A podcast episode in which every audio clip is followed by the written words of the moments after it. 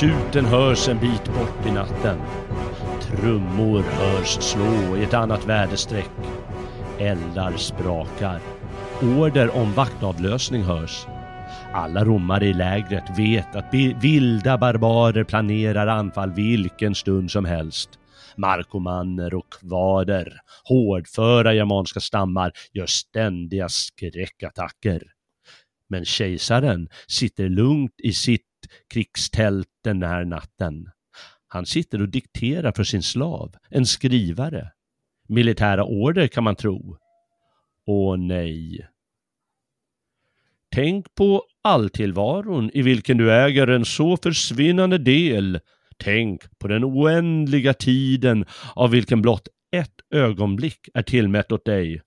Och tänk på ödet varav ditt eget blott utgör en bråkdel. Kejsaren dikterar filosofiska tankar. Han vet att var sak har sin utmätta tid och just nu är tiden att plita ner viktiga rön, hur många barbarer som än bankar på porten. Om några timmar, då är tiden för strid, kanske för döden. Därför säger han också till sin skrivande slav följande ord. Förakta icke döden, utan älska den så som ett av de ting eh, naturen vill. Ty vara ung och åldras, växa upp och bli man, få tänder, skägg och grått hår, avla, bli havande och föda samt allt annat som de olika levnadsåldrarna föra med sig, är ju även det en upplösning.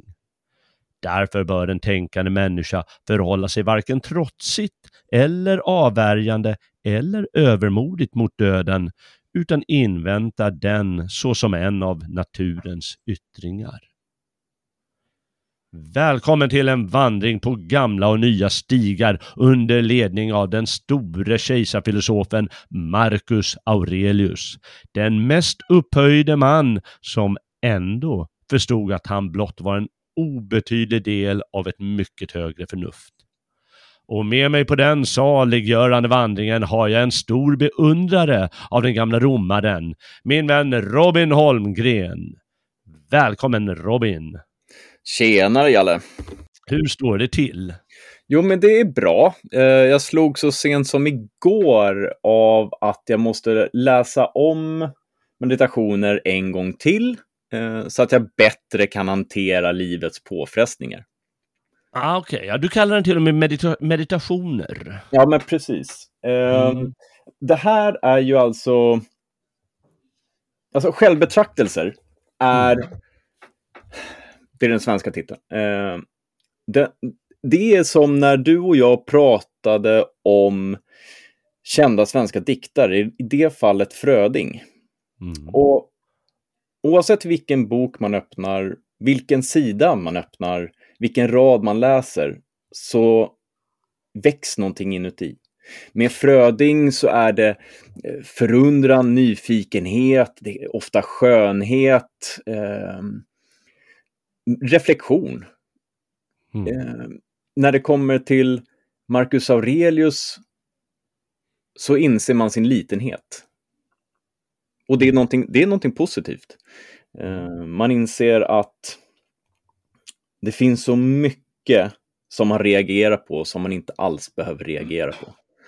Eh, så det är alltid en, en ständig lärdom så fort man öppnar den där boken. Ja, det är sant. Eh, nu eh, ska jag bara, bara säga att eh, den titeln är ju självbetraktelser. Ja. Och det är väl det den heter även på grekiska, vad det nu kan heta på grekiska, kommer jag inte ihåg. Men med, meditation är ju ett utmärkt ord, för det, det handlar ju om det. Ja, det brukar ju kallas sorts, eh, meditations på engelska. Så. Jaha, du, du har den på engelska. Ja, det finns säkert den. Det finns säkert flera, tid, eh, flera översättningar och lite ja. olika titlar, men meditations, det är väl också bra. Det är ju en sorts meditationer. Mm vad man kallar det för. Eh, ja, onekligen eh, eh, ska man säga. Eh, det har ju till och med på svenska kommit en ny översättning 2021. Jaha.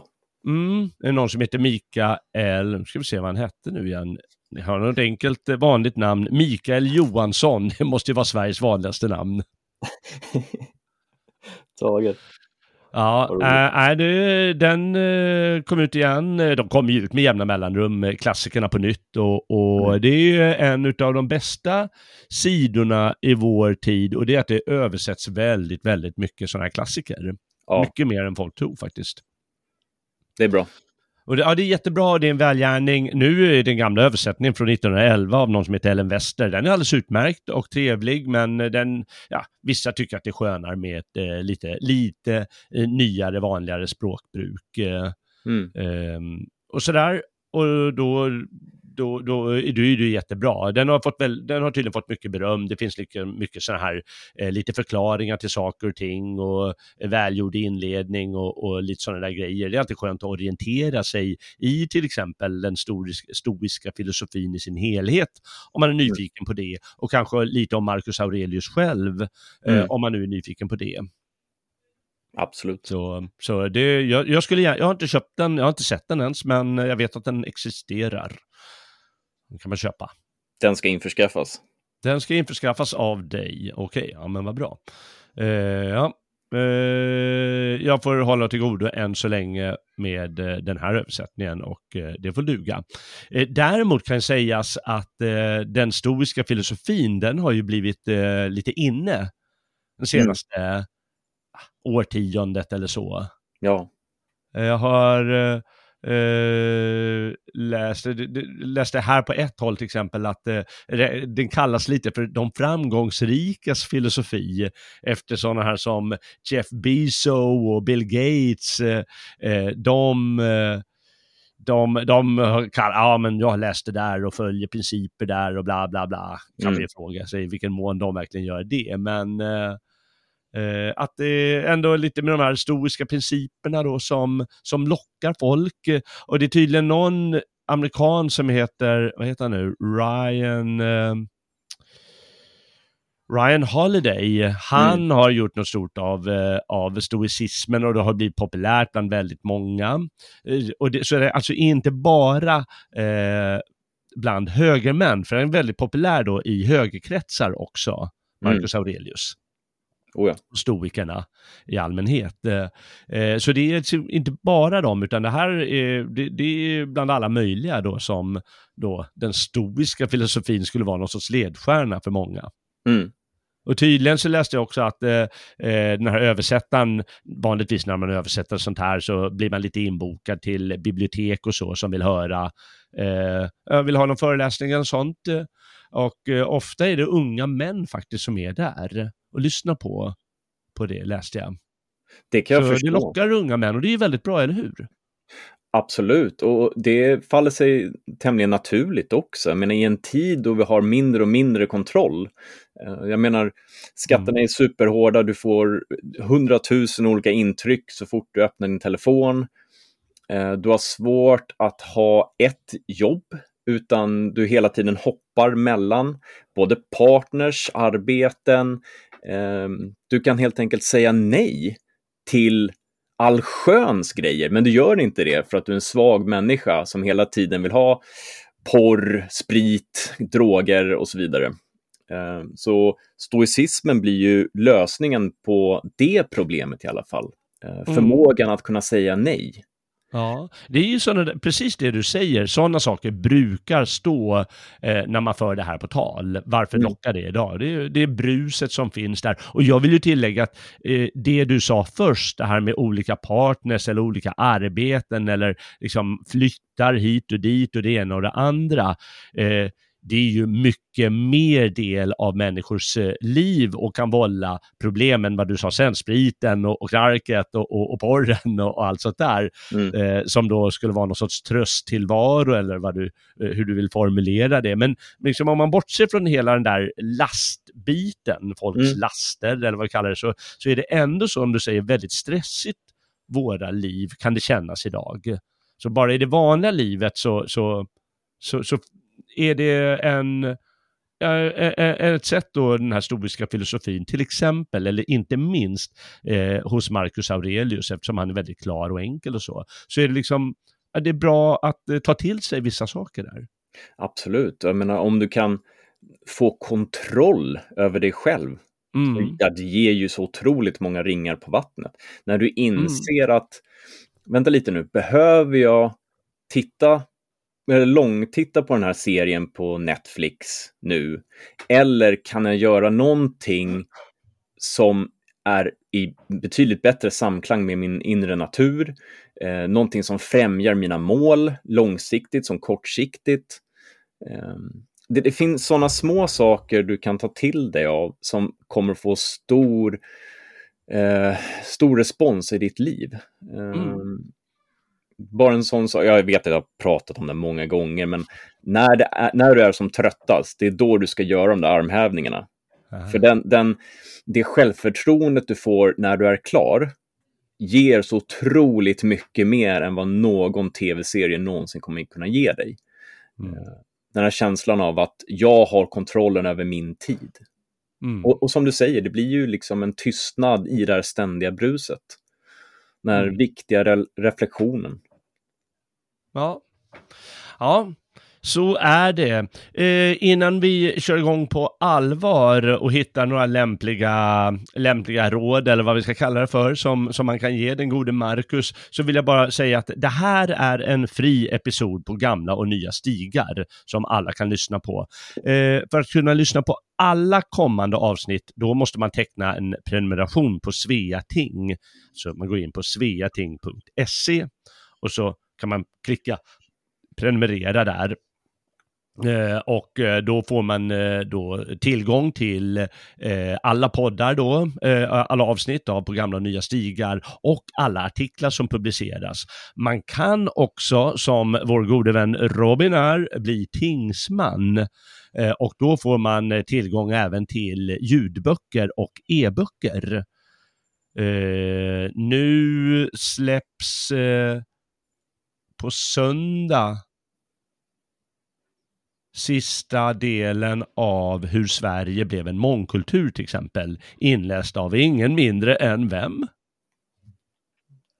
Uh, Magnus kanske? Mig. dig! ja. Fan vet jag, jag har läst den där ett par gånger, den har legat i bokhyllan ett tag.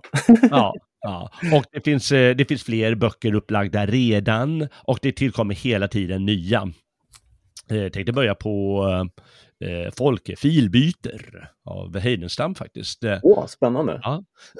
och eh, ja, det tillkommer hela tiden nya böcker och, och alltså nya kapitel, sakta men säkert. Så eh, det är alltid en bra idé att bli tingsman rent av. Det är den finaste graden på tinget. Jajamän. Mm, och om eh, den som lyssnar har några frågor om det där eller om det här programmet eller kanske har önskemål på vad vi ska eh, eh, sända, vare sig det är jag eller jag och, och, Robin eller jag och någon annan, så kan man ställa de frågorna eh, på jalle.svegot.se och det är alltså J-A-L-L-E, svegot.se eller kontakt logik.se.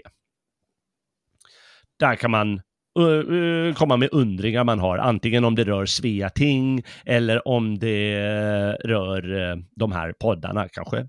Förslag på ämnen att ta upp. Ja, det skulle vara kul.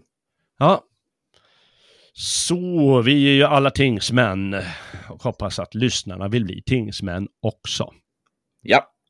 Ja, Eh, då har vi alltså Marcus Aurelius och han var ju inget mindre än kejsare. Det var inte dåligt va? Nej, det är inte så mycket högre du kommer i dåtidens romarrike. Nej, och han hör ju till eh, de favoritkejsarna. Det är, det är ju några som anses eh, eh, dugliga och goda. Det är Hadrianus, och det är framförallt då de som är precis före honom och honom själv då. Hadrianus, mm. kanske den klokaste av dem alla.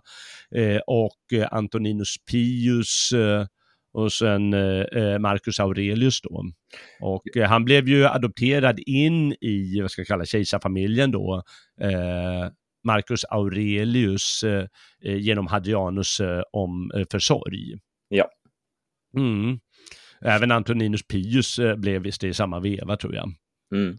Mm. Eh, och eh, han, eh, vad heter det, var ju då, han blev ju sedermera då kejsare i Rom. 161 efter Kristus blev han det, när han var 40 mm. år gammal.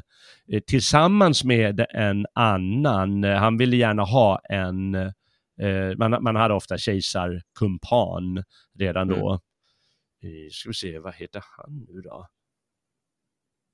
Ah, ja, det har jag inte skrivit upp här och kommit ihåg. Vad heter Lucius Verus? Lucius Verus, där har vi det, precis ja. Mycket bra.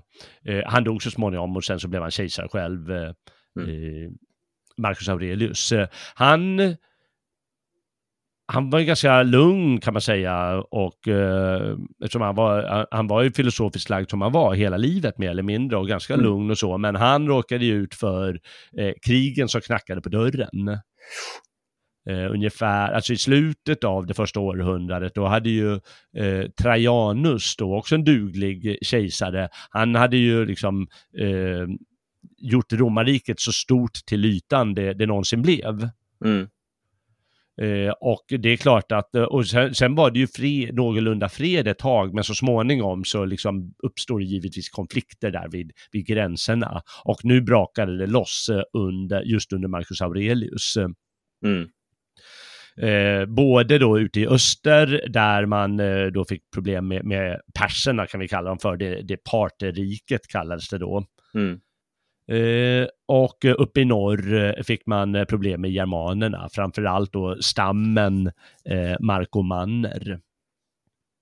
Som bland annat eh, trängde in ända in i, på, och härjade lite i självaste Italien, mm. längst norrut då. Och inte nog med det, vad ja, sa du? Nej, jag tänkte det fanns ju så himla många germanska folk där. Eh, mm. Men det här är ju innan den stora folkvandringstiden. Men, eh, ja, det är det. Mm. Men det fanns ju lika många då, liksom tidigare. Ja. Som då, och Markomanner, tror vissa då, är det liksom ett litet samlingsnamn för, för flera stammar. Mm. Eller germanska folk. Eh, och det kan det ju vara. Det är inte omöjligt. Men, eh, men härjade och bråkade gjorde de i alla fall eh, av alla möjliga skäl. Det, för den nyfikne så finns det ju eh, ett par avsnitt om eh, de här germanska folkförflyttningarna eh, eh, på gamla och nya stigar. Kan man titta där på sveating.se, kan man gå in i arkivet där under podcast. Mm. Eh, men, men inte nog med att det var krig nästan hela hans eh, styre, de här 20 åren, så var det liksom typ 16 av 20 år. Eh, här var det krigshärjningar. Dessutom så åkte de på post, pesten i romarriket eh, efter att soldater hade tagit med det från de här östra krigen. Mm. Den mm. antoninska pesten. Ja, den antoninska pesten. Jaha, åkte de på det också och själv bar han någon form av cancerliknande sjukdom under större delen av sitt vuxna liv, eh, mm. Marcus Aurelius själv. Så man kan ju säga att han, eh, hans, hans styre plågades eh, av de här, han var ju tvungen att vara i fält eh, nästan hela tiden. Mm. Och eh, han plågades själv givetvis av sin sjukdom som så småningom eh, bragte honom om livet. Mm. Och ja, sådana problem Eh, men han tog det mesta med stoiskt lugn. Ja. Och eh, han ska ju då ha skrivit ner, han skrev ner de här självbetraktelserna under fältkampanjer oftast. Eh, mm. Ja, det var ju ungefär som hans dagbok. Ja, lite som en, som en dagbok, ja precis ja. Och eh, man måste ju inte, man, man, kan slå upp och läsa lite vad som helst i den, för det följer inte ett rätt spår. Nej det är inte en systematisk filosofi på det sättet, utan det är som viktiga tankar han kommit på i vissa stunder. Det är lite roligt, kan man sitta och fundera, undra vad han var nu och eh, vad det var för, vad föranledde honom att skriva ner just det här? Ja, men precis. Det är lite som att han har upplevt ett problem under dagen och på, efter kvällsmaten där så sitter han där med sin slav och bara eh, dikterar en, en stoisk, ett stoiskt förhållningssätt till nämnda problem. Mm. Eh, det är väldigt fascinerande. Ja, eh, jag ska bara säga, läsa en liten grej här som jag tyckte var rolig. Eh, mm. det finns ju en, en bok som heter Kejsarhistorier. Okej. Eh, det finns även en bok som heter Kejsarbiografier eh, och eh, Kejsarbiografier av Svetonius Ja, heter författaren. Ah, Den, den handlar om de första kejsarna, jag vet inte hur många det blir, 10-12 stycken. Mm. Väldigt eh, frodigt och, och roligt skriven. Eh, och sen så finns det en fortsättning på den av någon annan författare som man inte vet vem det är, som heter just Kejsarhistorier. Och eh, Marcus Aurelius skriver så här på ett ställe.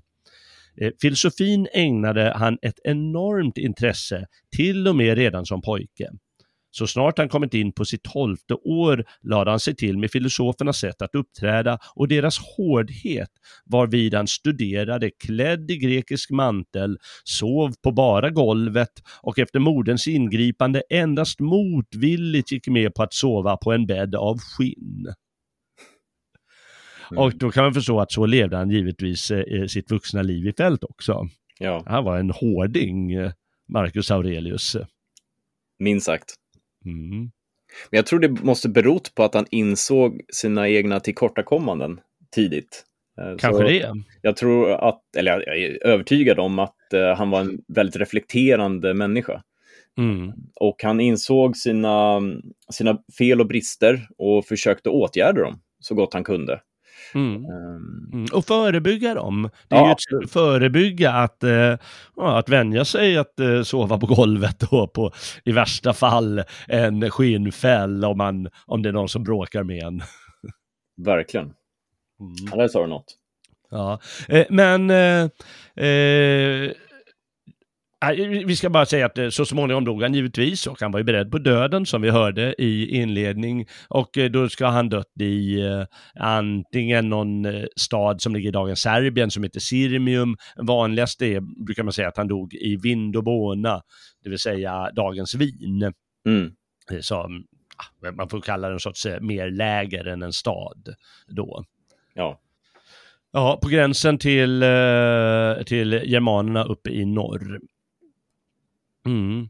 Och eh, han, han var ju inte bara intresserad av den stoiska filosofin, ska vi säga, utan han var ju intresserad av all möjlig filosofi och, och hade många lärare, grekiska lärare då, Mm. eh, som, eh, som köptes in, antingen var de slavar eller så var de, eh, eh, eller så köpte man in deras tjänster på något sätt.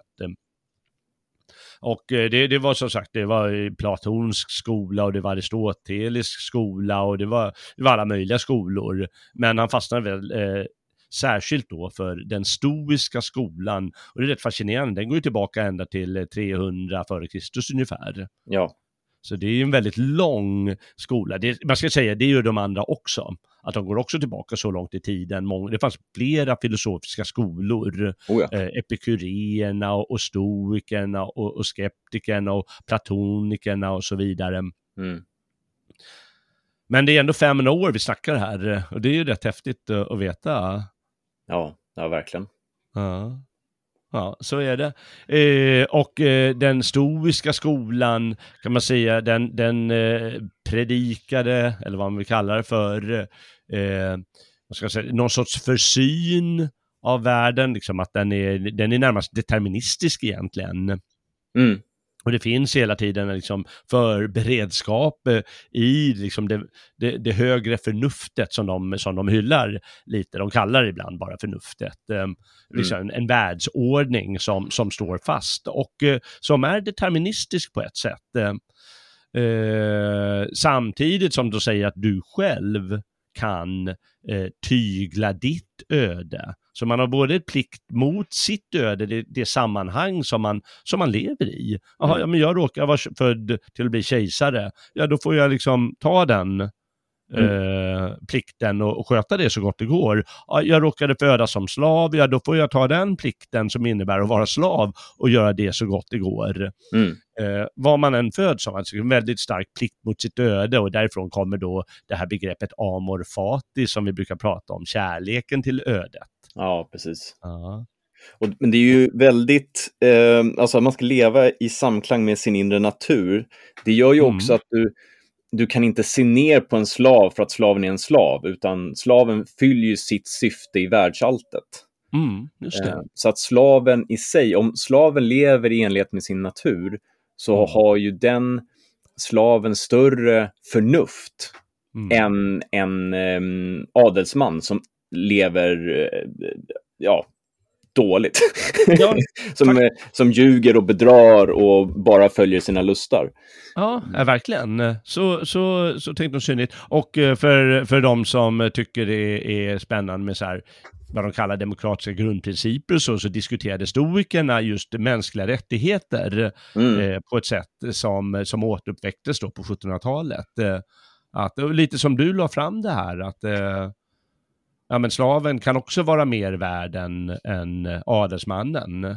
Ja, precis. Och det finns ett inre värde då som varje människa har och mm. borde ha någon sorts rättighet. Eh, vissa av stoikerna var säkert emot slav, eh, att man höll på med slavar. Ja. Mm. Ja, om jag inte ja, missminner mig så var Marcus Aurelius emot det också. Jaha, okej, okay, ja. Um, jag, vet, jag minns inte vart jag läste någonstans, men um, att han ja, sökte, gör om hela det systemet. Mm. Ja. ja. Det är ju som det är. Eh, det är många tankar som, eh, som syns eh, i hans självbetraktelser då, som är hans bidrag då till den här stoiska skolan. Och jag vet inte ens om de var menade att de skulle publiceras, utan efter hans stöd, då, då kom det ut på marknaden på någon vänster. Mm. Det var någon som eh, kom över det och helt enkelt lät skriva och publicera det säkert. Eh, ja, mm. inte så dåligt. Eh, man förstod väl att det hade ett, ett, ett stort värde hos vissa.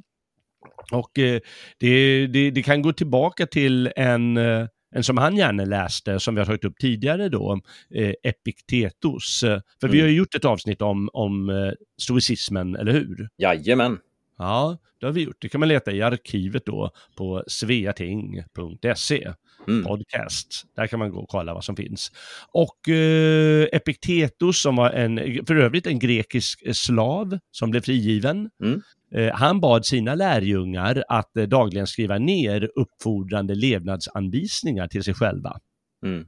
Så att ja, de gick där på torget, upplevde vissa saker, så ja, men nu har jag fått en tanke som är viktig här, då ska jag skriva ner det och eh, använda det som en sorts levnadsanvisning. Och det är väl lite, lite så det kan ha kommit till det här.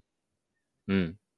Mm, han, eh, Marcus Aurelius skrift, som, som därmed har blivit en viktig del av eh, den stoiska skolan. Mm. Som han, ja, han lägger fram som han tycker, de tankar i den som han tycker är viktiga. Det är en stor filosofisk eh, verksamhet som bedrevs, men ja, han lägger fram sina synpunkter på det. Jag tror att en av anledningarna till varför Aurelius är så himla lätt att ta till sig är ju också för att språket är så mycket lättare än Epiktetos. Ja, det är det. Jo, han, han, skriver, han skriver enkelt. Eh, det är väldigt, väldigt njutbart att, skriva, eh, njutbart att läsa. Ja. Ja, jag, jag, jag läst lite olika hur, hur de reagerar. Det var någon som tyckte att han känns lite melankolisk och så. Eh, jag får lite annat intryck, att han, han, han har nästan lite humor när han skriver. Ja, oh ja. Det, det blir lite så när, när som du lade fram där att slaven han lever eh, mer i enlighet med, med, med det goda och, eh, och det, eh, det rätta och det högre förnuftet än den här liderliga adelsmannen. Mm. Och det är ju liksom en, en ro, stimulerande tanke som är ganska rolig. Ja, verkligen. Och då, då skrattar man lite. Och, och det, det, det, den hela, känslan får jag. Det sätter ju hela hierarkibegreppet också i gungning. Ja, det gör det. Ja. Och det är ju en humoristisk tanke när ja. man bryter sönder hierarkier. Alltså det är ju så, de hade ju till exempel sina saturnalier, eh, romarna. Mm. Eh, som många folk eh, har, nämligen att man, man vänder samhället upp och ner en dag. Mm. Slaven får vara härskare plötsligt och, och klä sig i, tå, i fin tåga och, och eh, allt vad, vad, det kan vara och sitta vid dukat bord och, och, och herren han får gå och skvabba golvet lite grann. Ja. Och det är ju humoristiskt. Ja, och jag tror också att det är vettigt. Det är vettigt att, för att om du kan ta ett steg bortom dig själv så kan du också eh, få en ny blick i hur världen omkring dig rör sig. Alltså Mm. helt oavsett dig. Mm. Ehm, och jag tror att det är nyttigt i vår relation med andra människor att kunna gå utanför oss själva och se den andra människan för vad den personen har gått igenom eller kämpar med eller motsvarande. Och det skapar i sig också en förståelse. Mm. Och om du kan lära dig förstå andra människor, ja då kommer du definitivt lära dig förstå dig själv också. Precis. Man kan ju lära sig både, man, man, han, han säger ju på flesta, och vi ska ju läsa några avsnitt snart, eh, eh, man, han, man ska både undvika det som är falskt hos andra Mm. människor, och samtidigt som du säger ska man förstås ta till sig det som är klokt. eh, Ja, eh, att göra det på ett bra sätt. Eh, det vill säga inte vara falsk själv, som man är om man, ja ah, men jag behöver inte lyssna på den här skiten. Ja. Utan kunna ta till sig är också att blir del av det lite, det mer äkta som man kan säga. Men jag vill bara säga en sak till om det här med hur man, hur man läser honom. Jag ska fråga dig snart vilket, vilket intryck du får Mm. lite av honom. Eh, och det var från en recension jag läste här, tyckte jag var väldigt bra. En människas liv är på ömse sidor omgivet av väldiga tidsrymder. Eh, ett förhållande som Marcus Aurelius ständigt återkommer till i meditationerna. Det vill säga att vårt liv är väldigt, väldigt kort. ja. Medan det finns tusentals liv före oss och tusentals liv efter oss. Mm. Och därmed säger han att livsminuten, den, den, den lilla minut du har i livet, eller liksom varje minut egentligen i ditt liv, får en stegrad intensitet genom insikten om att allt snart bara ska sopas bort. Mm. Och det tycker jag är, är väldigt, den känslan får jag faktiskt, istället för en lite melankolisk touch, så känner jag ganska mycket det här andra då. Just den här eh, stegrade intensiteten. Det var säkert därför Nietzsche älskade Marcus Aurelius och många stoiker. Mm. Mm. Ja, Jag kan bara med.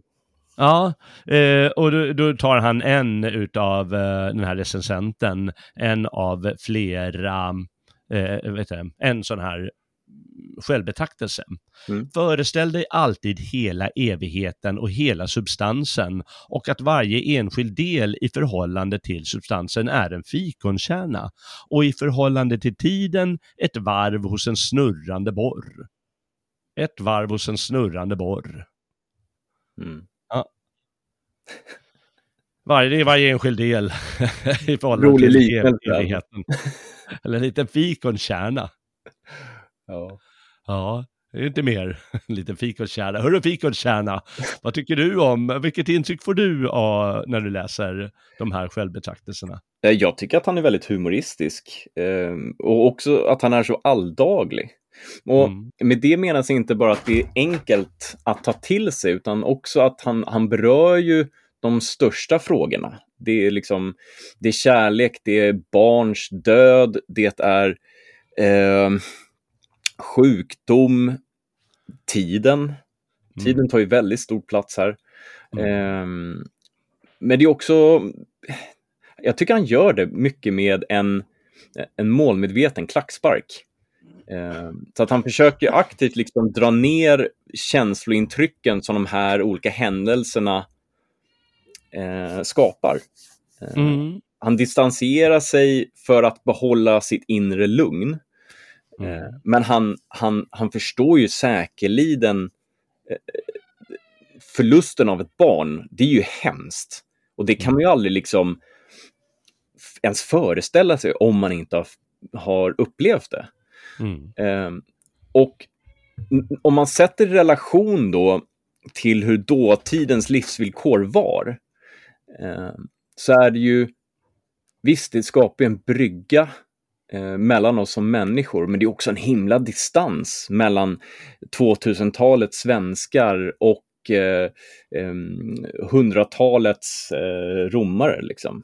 Mm. Ehm, Men jag tycker att han, just i och med att hans språk är så hem- himla lättillgängligt, ehm, ändå skapar den här förståelsen. Ehm, Ja. Man kan sätta sig in i det på ett annat sätt. Mm. Det är inga bombastiska ord. Ehm, visst, det finns ju en hel del liksom pekpinnar såklart, men jag tycker inte alls att han är så hård som Epiktetos är. Nej, nej, nej, men han är ganska mild. Jag håller Ja. med, han är ganska mild. Eh, För den som vill läsa ska jag bara säga att första boken, eh, den är, eh, vad ska jag säga, en liten tackskrift helt enkelt. Då går han igenom massa olika människor som han tillskriver något, något bra liksom. Mm. Hans lärare och hans far och olika grejer. Eh, Det, är- det är ju väldigt, eh, eh, väldigt vänlig akt, men om, nå- det är bara första, första boken, alltså första avsnittet, första kapitlet som är så. Mm. Sen så går jag mer igenom olika eh, kloka, vad man kan kalla levnadsråd eller något sånt. Eh, bara så man inte stupar på första, åh vad tråkig han var, åh. Mm. Så kan man hoppa över den första boken. Jag tycker det är häftigt att en kejsare spenderar sitt första kapitel med att tacka människor. Det håller jag med om, verkligen. Och man bör läsa det. Jag menar bara att eh, ehm, om, man, om man börjar, vissa, vissa brukar stupa på sådana saker. Mm. Man lä, lä, läser man i Bibeln så kommer man snart till någon sorts, eh, vem var son till vem och så går det tillbaka, går det några sidor sådär och då är det jäkligt tråkigt. Ja, Och eh, då går det att hoppa över dem, det är tillåtet. taget. Ja, men du har helt rätt. Eh, Man, man bör läsa det, för det är som du säger, en kejsare eh, börjar sin bok med att tacka massa olika människor till höger och vänster. Ja. Det är stort. eh. Har du något särskilt, är det någon särskild tanke hos honom, eller något särskilt, eh, så särskilt avsnitt du tycker är eh, extra spännande eller klokt? Nej, det, det kan jag inte påstå, för det är verkligen som så att du kan ju öppna vilken sida som helst och du kommer lära dig något. Eh, Mm. Men ehm, det som verkligen klingar till hos mig, det är just den här enkelheten. Eh, Mm. Det finns en som är väldigt rolig. Eh, Mm. Nu ska vi se, 53, 17. Det var ju 54 ju. Ja, men det här, det är två meningar. Att Mm. vilja det omöjliga är vansinne. Men det är omöjligt att onda människor inte skulle göra vad ont är. Mm. Alltså, det är så enkelt, men, men samtidigt så är det ett så, så en himla bra förklaring på Mm. kassa människor. Ja, verkligen. Man ska inte glömma det där att, eh, jag menar vi upplever det ju väldigt mycket i vår tid, att Oh. det förbjuds in människor som är kassa helt enkelt. Ja, Och det, och det har ju alltid funnits kassa människor och de är kassa. Det är omöjligt att de inte ska göra det onda. ja men precis. Och, och stycket ovanför. Din sinnesstämning beror av vilka föreställningar som oftast upptar dig. Ja, Ja, och, och, och om vi bara så här tar det rent praktiskt nu. Den meningen. Mm. Om du föreställer dig från och med nu att ditt glas är halvfullt istället för halvtomt. Mm. Hur stor påverkan kommer det få för ditt liv och för dina nära och käras liv? Precis. Det är jäkligt där- viktigt där. Ja, men det, där, det är så himla spännande. Jag kom på mig själv med att ha hamnat i en sån eh, negativ spiral. Eh, Mm. då, då samma mening kom om och om igen. Fast den inte var sann. Utan var bara det att jag hade skapat det här negativa eh, intrycket som jag hade då formaliserat i form av mening i mitt huvud. Ja, Och så kommer den objuden och tar över. Och, och genom att inse då, genom att reflektera över sina egna tillkortakommanden, så insåg jag ju, Mm. vänta, det här är ju bara en sån här negativ idé som har fått fäste i mig för att jag har gett den utrymme. Jag har ju Mm. gött den här lilla elden liksom. Just det. Och det är min plikt att kväsa den elden. Och det är en process, det är ingenting som du gör sådär va. Utan du, du måste liksom aktivt förändra sinnebilden. Mm. Kan du, kan du läsa om den där eh, lilla aforismen igen med, med sinnesstämningen? Din sinnesstämning beror av vilka föreställningar som oftast upptar dig. Just det. Och Bara tänk så lite. Det, Ja. det är verkligen så. Och en stor del av eh, de här, eh, en del av de här skolorna, det var just hur ska man kunna finna sinnesro? Mm. Ja, verkligen. Eftersom man går och retar upp sig eller blir upprörd eller kanske är rädd. Ja, men det står så mycket hemskt i tidningen och så går folk och är rädda liksom. Ja, att de, det, det är fel föreställningar, falska föreställningar som, som upptar dem. Och Mm. eh, om människor går rädd genom livet, då är hon även rädd för döden, hon är rädd för livet, hon är liksom det ena och det andra. Och då handlar mycket av de här olika filosofierna, alltså att i praktiken finna eh, en form av sinnesro, så man inte går och, eh, ja, som vi kallar må dåligt eller så. Nej, det är som alla de här uh, klimatgalenskaparna. Mm. Bara när man, när man ser sin motståndare som en förnekare, Ja. begrepp som klimatförnekare. ja, ni vill döda oss, ni kommer uh, förstöra Golfströmmen. Bara, nej, det, alltså, det, det blir så bisarrt när man, man avhumaniserar allt och alla. Eh, Ja. Som inte håller med sin egen nisch. Verkligen. Eh, och jag tror man tappar en del av sig själv då. Eh, jag tror att det är Mm. lättare om man bara kallt kan konstatera, som jag nämnde i början då, att det är omöjligt att onda människor inte skulle göra vad ont är. Då- Mm. Då, då kan man acceptera, okej, ja, men du, du är en kass människa. Um, således tänker inte jag låta dig ta kontrollen av min sinnesstämning. Jag kommer inte låta dina knasiga idéer störa min, mig och min familj. Och Mm. att mentalt kunna göra det ger ju den här sinnesron som du pratar om. Ja. Eh, Det är kul att du tog upp det här med klimatet eh, och, och den rädsla som, som vissa har. Eh, Det finns nämligen något som kallas klimatstoicism. Va? Okej. Ja. ja, men det är de här rädd, rädda människorna som tror att oj, oj, oj, du smälter alla isar och Ja, snart, snart försvinner. Vi- vi- Vilka öar är det som, som ska försvinna? Maldiverna, är det de? ja, men de skulle De ska alltid försvinna. för 20 år sedan. Ja, det har man sagt i evigheter. Och eh, då, ja, men då är det är för dem eh, det här begreppet klimatstoicism. Så att de ska kunna Mm. hantera och kanske inte tänka att det är så allvarligt och pådyvla en massa negativ stämning hela tiden. Ja.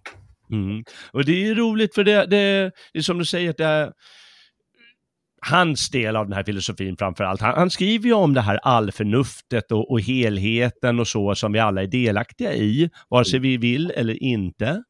Eh, alltså kanske medvetet eller mindre medvetet. Eh, det bästa är ju förstås om man är mer medveten delaktig i vad man förstår att vara ett, en större helhet och ett större förnuft kanske.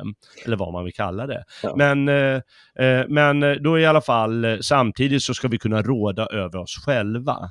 Mm. Alltså som vi sa, se igenom det som är falskt eh, och, och lockelser, eh, lidelser och liksom kuva de dåliga delarna och istället då manifestera de, de sunda sidorna hos en. Och det behöver ju inte vara att man ska gå liksom stel genom livet utan just den här pliktkänslan eller eh, eh, sinnesron som vi sa nyss. Mm. Eller bara att eh, man, man, det är felaktiga föreställningar som styr en. Du hade den här konstiga meningen som poppade upp i ditt huvud. Mm.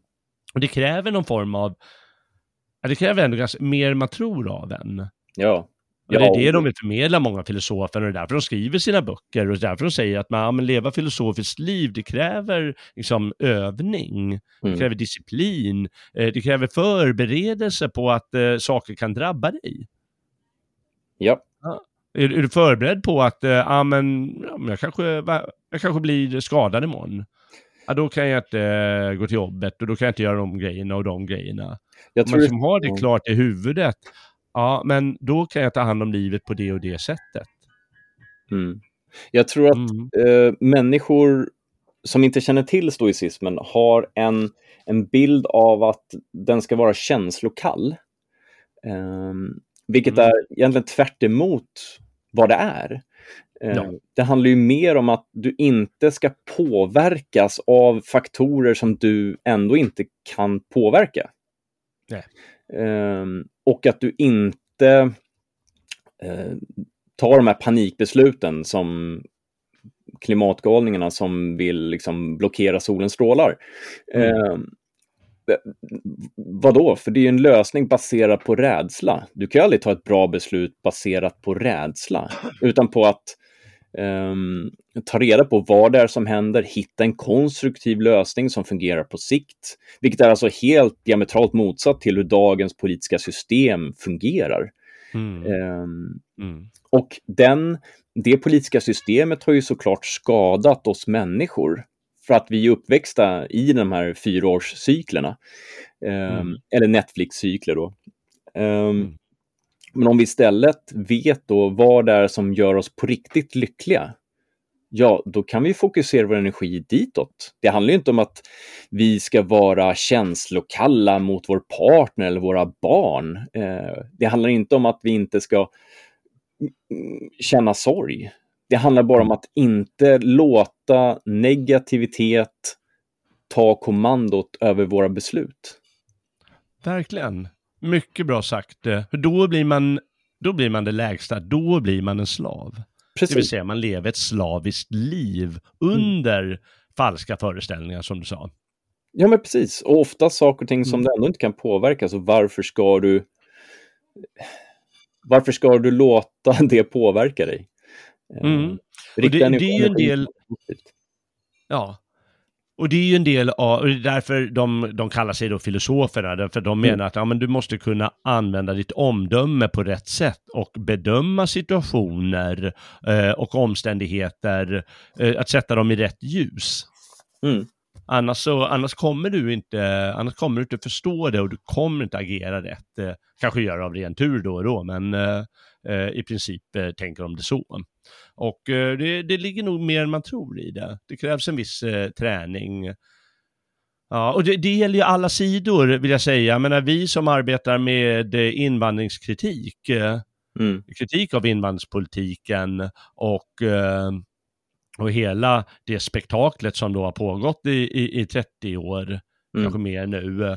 Ehm, att även där är det ju viktigt att inte och hamna i uh, den här negativa strängen utan hålla distans till det samtidigt. Mm. För annars blir det bara livet tråkigt eh, och jobbigt och besvärligt och det blir till slut falskt det också. Även om man då har rätt i sak i många delar så låter man sig styras till slut bara av rädsla och irritation. Ja. Mm. Det finns en väldigt, en väldigt bra punkt här. Ja. Ehm, av två skäl bör du alltså vara nöjd med ditt öde.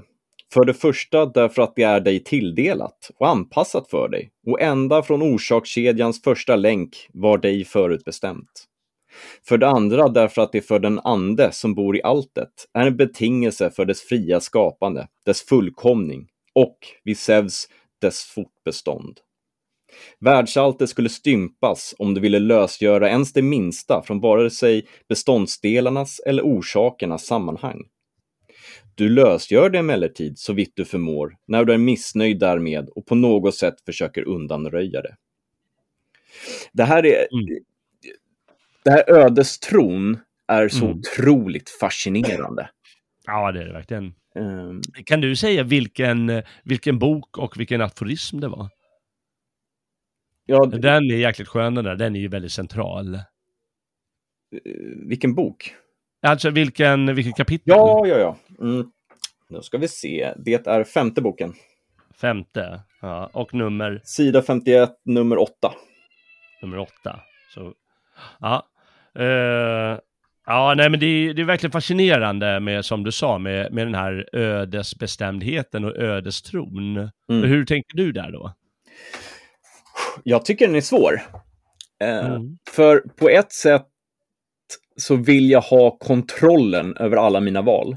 Men jag inser mm. ju också att, eh, framförallt som en religiös människa, att så mycket som slängs framför mig är eh, gudomligt menat. Mm. Um, och det gör att jag måste, som, som en båt, hela tiden kontra de här vindarna. Antingen kan jag segla med eller ska jag ta en annan riktning. Eh, om det ens är möjligt, för ibland stormar det. Mm. Eh, och ibland händer inte ett skit och så ligger du där och guppar. Ja. Eh, så ödet är... Jag skulle säga att det är fortlöpande. Jag tror inte att det är liksom ristat i sten redan från start. Eh, för att min upplevelse av det religiösa livet är just att eh, saker och ting kan påverkas, alltså gudarna kan påverkas av mitt offer. Mm. Och hur jag hanterar det och vad det är jag frågar efter, det kommer att resultera i olika scenarier som jag i sin tur måste hantera. Det finns ingen gåva som inte kräver en gengåva.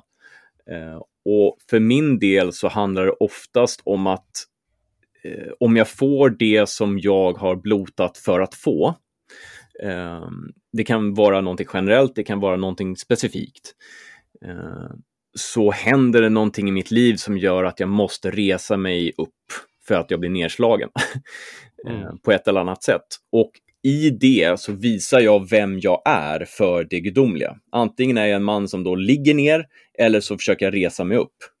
Mm. Och den som hellre vill se liksom Rocky-citat i det får ju gå och lägga sig. Um, men uh, det är ju det som livet är. Livet är kamp. det är det livet är, ett rockcitat.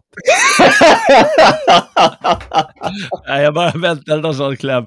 Ja, helt rätt. Härlig utläggning du hade där. Jag höll på att förstöra den där. Men, eh, Och ingen minns bara... någonting annat än Rocky. ja. Marcus Aurelius och Rocky. Ja, visst. Mm. Nej, Nej väldigt, väldigt bra utläggning hur, hur det är där eh, livet och att det är den här kampen och att det ingår det, det gudomliga i det. För, för vi har ju idag, väl, alltså vi västlänningar, mm. vi får kalla oss eh, det är väl framförallt vi, eh, vi har en stor rädsla för den här deterministiska ordningen, mm. den här ödesmättade eh, föreställningen, särskilt när den är så, så ska jag säga, inte karg, men så uh, någonting fast så som, de, som han lägger fram den. Mm. Ja, men världen kommer gå sin gång och den kommer gå det enligt ett, ett högre förnuft som du, ja, det är bara, bara finna dig i. Och ditt liv kommer också att förlöpa på det sättet, eh, enligt, ja, hur det nu är. Mm. Och eh, vi, som du sa, vi vill ha kontroll eller vi vill liksom, jag vill ha mitt fria val. Och det ska vara ett absolut fritt val.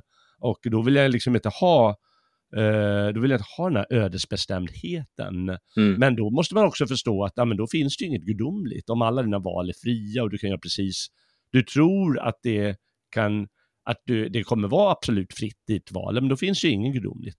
Nej. Det finns ju bara det. Men, men, men, vi tolkar det tvärtom, vi tolkar att om det är deterministiskt, då, då är det helt ogudomligt. Då är det liksom någon sorts fysisk bestämdhet eh, varje sak som sker. Precis. Och, och det, det, här är en viktig punkt. Ödet bestämmer inte hur du ska hantera kampen.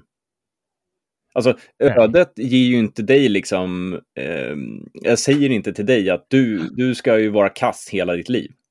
Eller du Nej. måste vara tjock eller du måste eh, ha en lunga. Ja. Eh, för du, du sätter ju, absolut så blir det svårare för dig om du bara har en lunga. Men, mm. men det i sig bestämmer inte vilken människa du är. Um... Men verkligen, verkligen. Eh, det, vi, vi tror att ja, då kan vi inte göra någonting. Nej.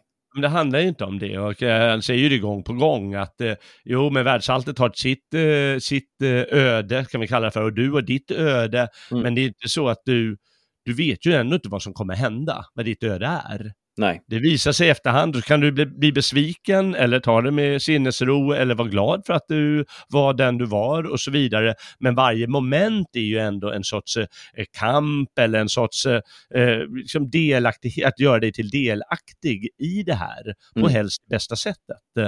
Jag kommer ihåg, jag hade en läkare efter mm. min andra uh, misslyckade ryggoperation för herrans mm. många år sedan. Han sa till mig att jag aldrig skulle kunna gå i en brant backe utan morfin. Oh. Um, om jag hade följt det, om jag hade accepterat den ståndpunkten, mm. då hade jag ju eh, satt upp, då hade jag satt upp mina egna begränsningar. Mm. Om, jag hade, om jag hade följt de begränsningarna. Ja, alltså, jag hade ju aldrig haft det livet som jag har idag. Nej. Utan då hade jag ju trott att okej, okay, ja men då kommer jag aldrig kunna göra det. Så då accepterar jag det och så sitter jag hemma framför datorn och bara mår dåligt. och Mm. fortsätter knapra morfin.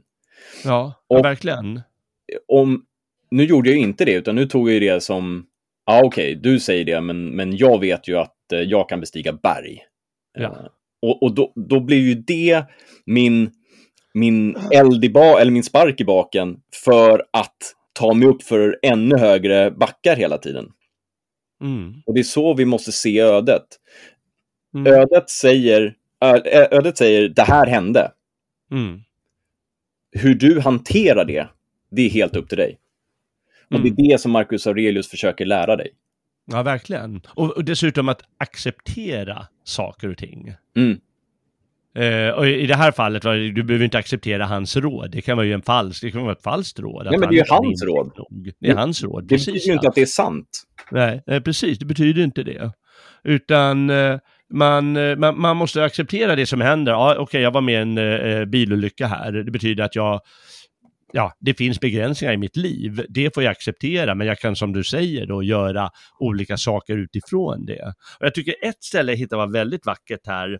Eh, hittade jag faktiskt i en annan bok, eh, eh när, när jag läste lite olika böcker om stoikerna och, och bland annat honom. Och då, då skriver han på ett ställe jag går den av naturen anvisade vägen tills jag sjunker samman och min livsande uppgår i den luft jag så länge andats in och min kropp införlivas med det element där min fader hämtade säden, min moder blodet och min amma mjölken.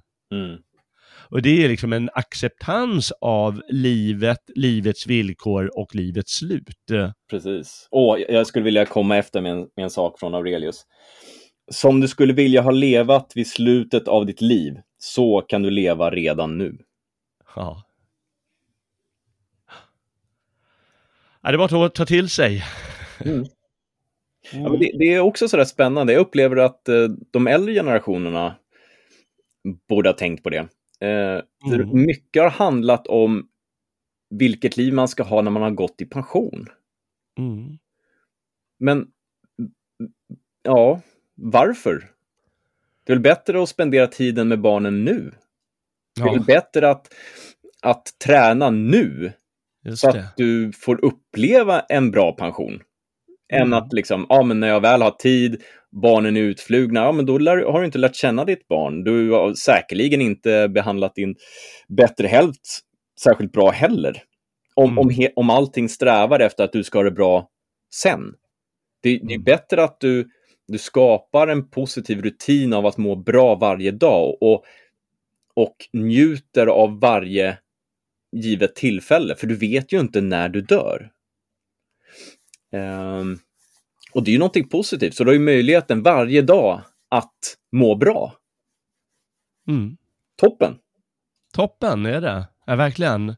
Ja, det är fantastiskt. Eh, eh, det, liksom, det här, den här insikten, samtidigt som man säger att vi, eh, ja men du är bara ditt öde och eh, vi är liksom bara ett obetydligt litet sammanhang i helheten och så, så vidare, så på något sätt genom Liksom när du säger, ja men jag kan bestiga berg, oavsett om doktorn säger så, Mm. och eh, jag kan genom de här lärarna, även om jag bara är en obetydlig liten del av helhet, så kan jag på något sätt ställa mig över förgängelsen. Mm. Alltså för, för människan är förgänglig och allting runt omkring oss är förgängligt och det är obetydligt och det, det är smutsigt om man tittar på det från ovan. Det är simpelt och enkelt, en människa Ja. och hennes sketna liv.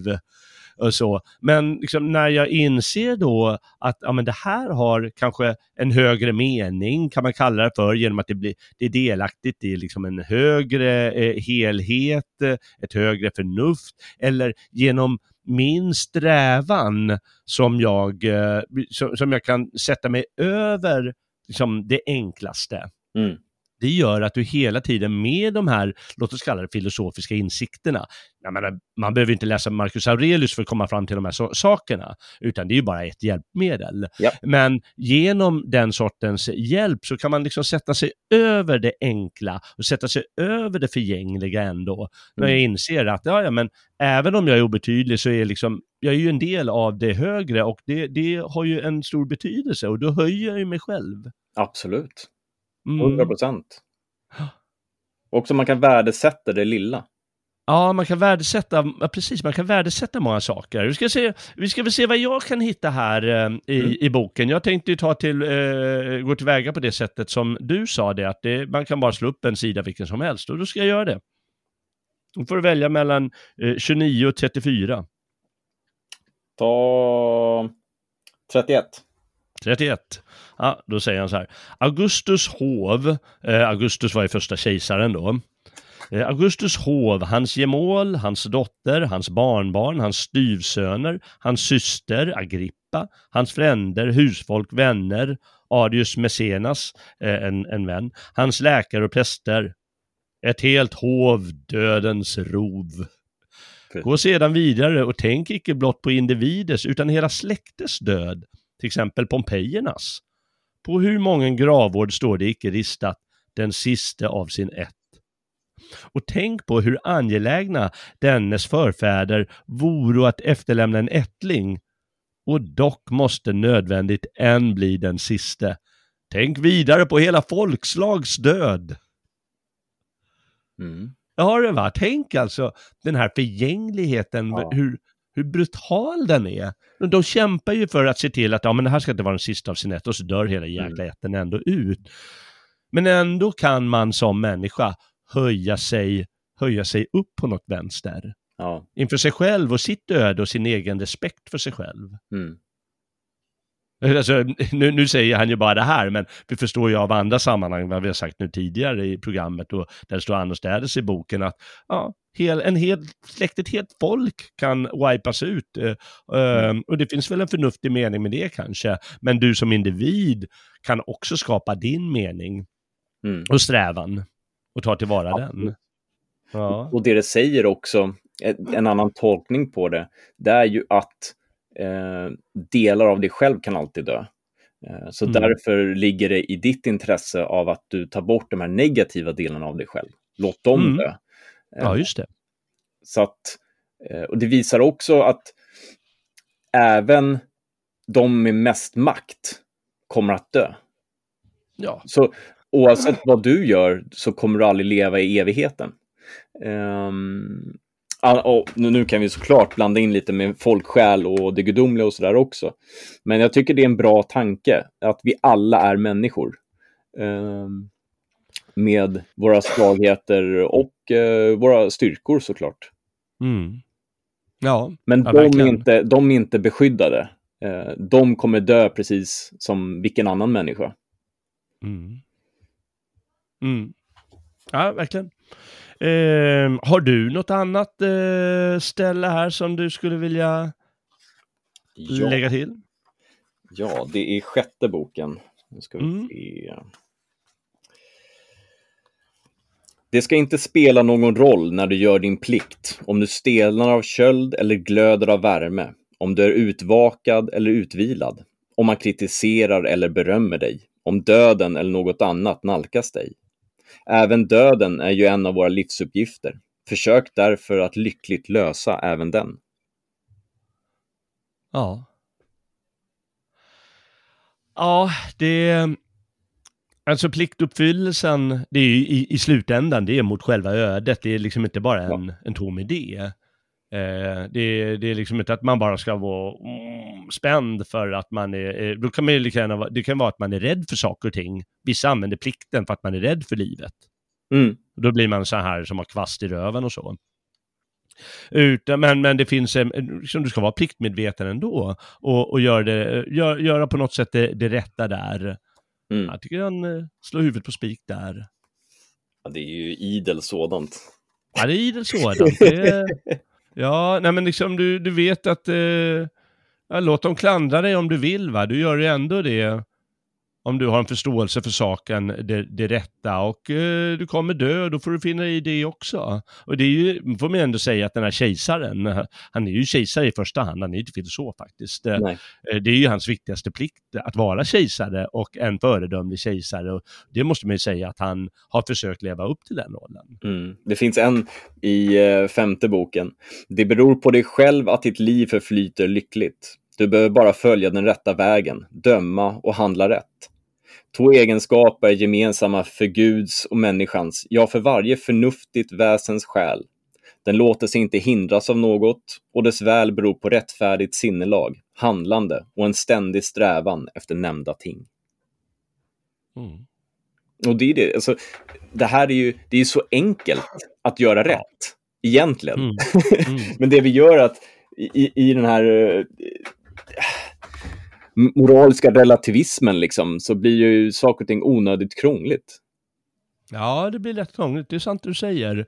Och vi, ja, men i vår tid så kanske det är extra svårt om det nu är så att vi har ovanligt mycket intryck uh, att behandla. Säkert. Ja. Så, så, så är det ju, kan det kännas besvärligt, men det är kanske inte så svårt att, att, att bara stanna upp. Det kan ju vara det här som Epiktetos sa, men skriv ner lite levnadsanteckningar, hur Mm. du bör uh, gå tillväga för att du har känt att ah, men det var stressigt idag. Ja, men Ja, precis. då- Och, och, det Det blir, var stressigt idag, då Mm. börjar jag tänka på det här. och det är också en bra grundplåt för ett vettigt liv. Att du lär dig någonting nytt varje dag. Att du Mm, lär ja, dig av dina misstag, att du, att du eh, planerar hur du ska övervinna det misstaget det. och inte göra om det. Ja.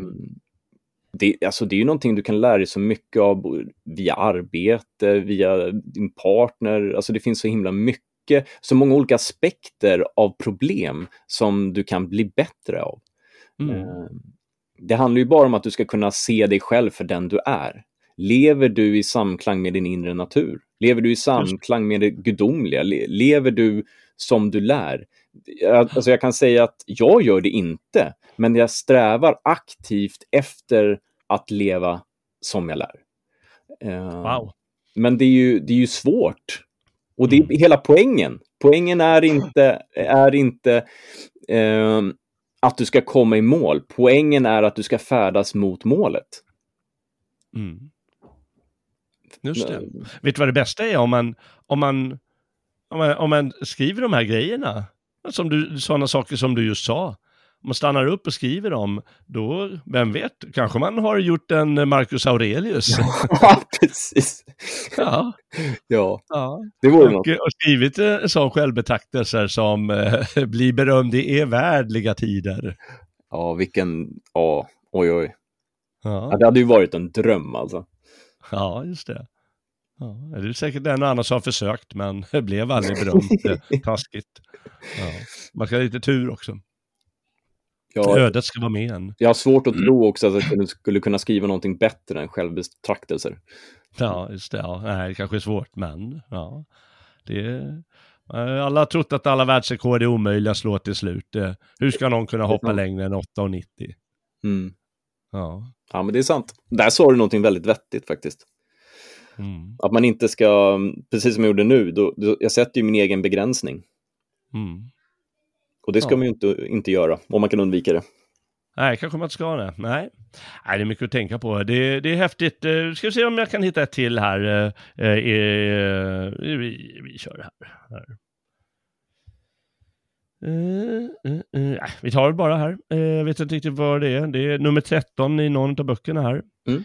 Ganska enkelt. Jag består av andligt och kroppsligt. Ingendera delen kommer att upplösas i intet, liksom det ej heller uppstått ur intet. Varje del av mitt väsen kommer således att genom förvandling övergå till en annan del av alltet. Denna åter till en annan del av samma allt och så vidare i oändlighet. Genom en, dys, genom en dylik förvandling har även jag uppstått och likaså mina föräldrar och så vidare bakåt i oändlighet. Ty ingenting hindrar oss att säga så, även om världens tillvaro skulle äga sina begränsade skeden. Ja, om, man, om man har en insikt då på något sätt, det är väl många av de här filosoferna som ja men livet är inte mer komplicerat än så. Mm. Det är inte, du behöver inte oroa dig när du dör, va? för ja, men du löses upp och blir till någonting annat. Mm. Och då behöver du inte oroa dig. Precis så har det alltid varit. Tänk om alla människor ständigt gick omkring med den sortens rädsla. Det har de ju inte gjort. Eh, och då bör inte du heller göra det. Verkligen. Mm. Men vem vill leva så? Nej, vem vill leva så? Nej. Hemskt. Mm. Ja, och så enklare saker här. Ta anspråkslöst emot. Ge utan grämelse. Mm. Det är skönt. Eh, ja, men ta emot eh, anspråkslöst. Eh, det är liksom, någon har gett dig en gåva och eh, då behöver du inte lägga in 70 olika faktorer i det, utan ta emot det relativt anspråkslöst. Och sen så ger du utan att det besvärar dig. Mm. Det är ju många som tycker att det är, eh, att det är lite besvärligt, men ja, man ger utan grämelse. Den här då. Det viktiga är inte att du pratar om på vilket vis en god man bör vara, utan att du är en sådan. Mm, just det. Ja, vissa är ju då triviala. Mm. Men ändå, ändå, de triviala är ju, är ju ändå tankeväckande. Ja. Mm, det måste man säga. Och som du sa eh, från början, och vilket verkligen stämmer, att han är ju, han är ju enkel på det sättet. Och det är väldigt behagligt. Ja, den, här är, den här är fin. Ja, Antingen, ta den. antingen fortsätter du att leva här och finner dig alltså i det, eller också går du frivilligt hädan och vill alltså det. Eller också dör du och har då tjänat ut. Något fjärde alternativ ges inte. Var därför vid gott mod. Därför vid gott mod. Jäkligt skön. Alltså, han, han, hur kan han uppfattas som melankolisk? Det Nej. undgår Eh, mig ja, jag tycker också det faktiskt. Eh, men det är väl lite med den här ödesbestämdheten som, som kan ge det intrycket. Och eh, kanske medveten om att han liksom ändå plågades av sjukdom och att, eh, att det är ganska besvärande uppgifter han har. Men eh, han kanske helst bara skulle vilja sitta, sitta på en kammare och filosofera. Jo, men tänk, tänk hur svårt han måste haft det. Alltså, du sitter där på kulmen av romarriket. Mm. Du har all makt. Mm. Du kan göra precis vad du vill. Mm. Mm. Vi- Vilket åtskilliga romerska kejsare har gjort. Nero och alltså alla de här galningarna. Mm. Men han gör inte det. För han valde att inte göra det. Mm. Det är ju så...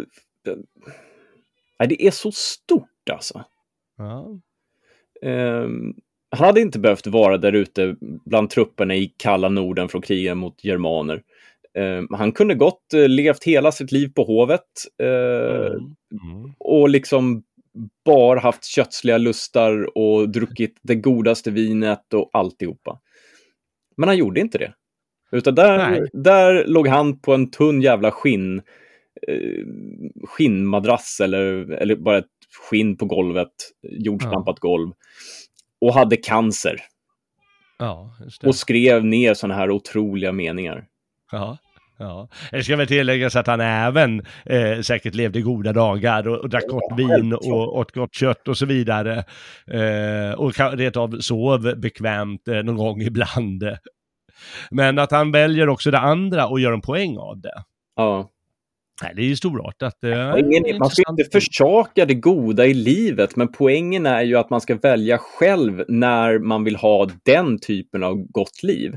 Just det. Eh, Mm. När har den sin mening? När Ja. har den sin avsikt? Eh, Mm. Därför kan det vara så bra för människor att testa periodisk fasta. Eh, Ja. Jag körde periodisk fasta i vad, ett och ett halvt, två år. Mm. Och det jag upptäckte efteråt är ju att mat är fortfarande ännu godare än innan jag körde periodisk fasta. Eh, Ja. Men jag är inte heller eh, beroende av att äta mat var fjärde timme. Nej, just det. Utan jag kan med enkelhet fasta ett helt dygn. Och det är häftigt att kunna känna att man har kontrollen över en så naturlig drift som Ja. föda. Ja, ja, men det är verkligen sant. Så testa, kära lyssnare, att eh, försaka någonting. Eh, så kommer du kanske hitta dig själv lite snabbare. Ja, ja, ja bra, bra råd, eh, Marcus. Eh, nej, det var du som sa ja. Ja. Just det. Men det är okej. ja, det är okej. nej, verkligen. Nej, eh, det, det är sant, eh, det där med fastan till exempel. Det är en sån enkel grej. Eh, Skitbra tips. eh. Det är en... Det är bara att prova, då, har du liksom, då kan du kontrollera. Du oroar dig, du behöver inte oroa dig om du inte får den där födan. Jag har aldrig provat det faktiskt på det sättet. eh, Mm. Men, men jag kan tänka gott och väl att ja, men då behöver jag faktiskt inte oroa mig, för jag vet ju att jag klarar det. Precis.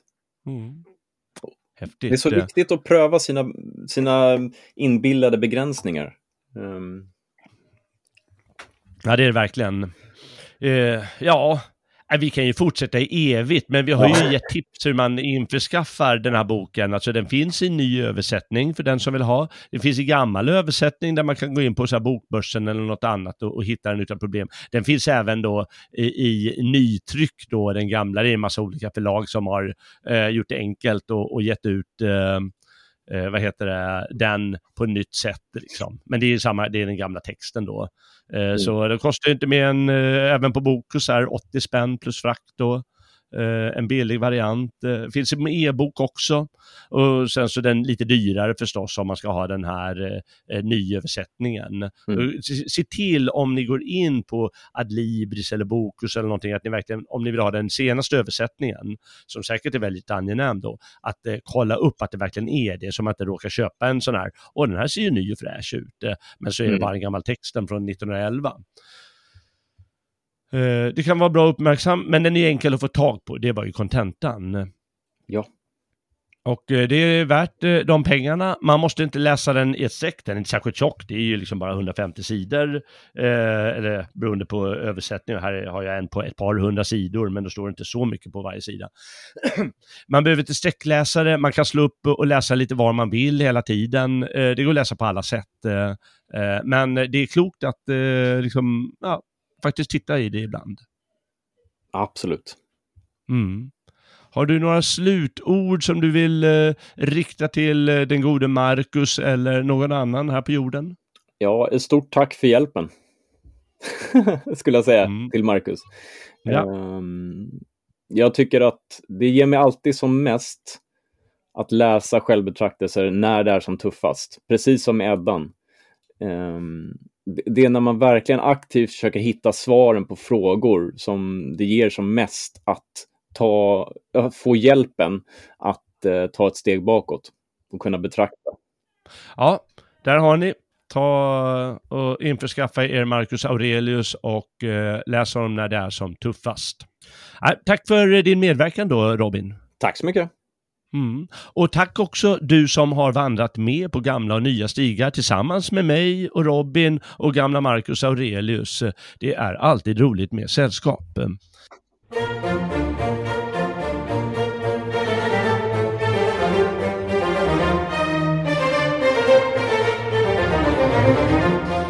I synnerhet vill jag tacka alla prenumeranter på Svea Ting. Det är ni som gör det här möjligt. Eh, det här var som sagt en gratisvandring eh, och man kan alltid leta i arkivet efter eh, andra sådana vandringar på gamla och nya stigar om alla möjliga ämnen. De ligger fritt öppet, men för att kunna höra alla framtida avsnitt måste du vara prenumerant på Svea Ting och eh, då kan man välja att bli eh, månadsprenumerant, eh, kostar 5 euro i månaden eh, eller ta eh, 50 euro för ett helt år. Om man dessutom vill ha tillgång till ljudböcker och e-böcker, då kan man bli tingsman för 100 euro Eh, för ett år. Då får man tillgång till allt material på sveating.se. Det kan du välja själv.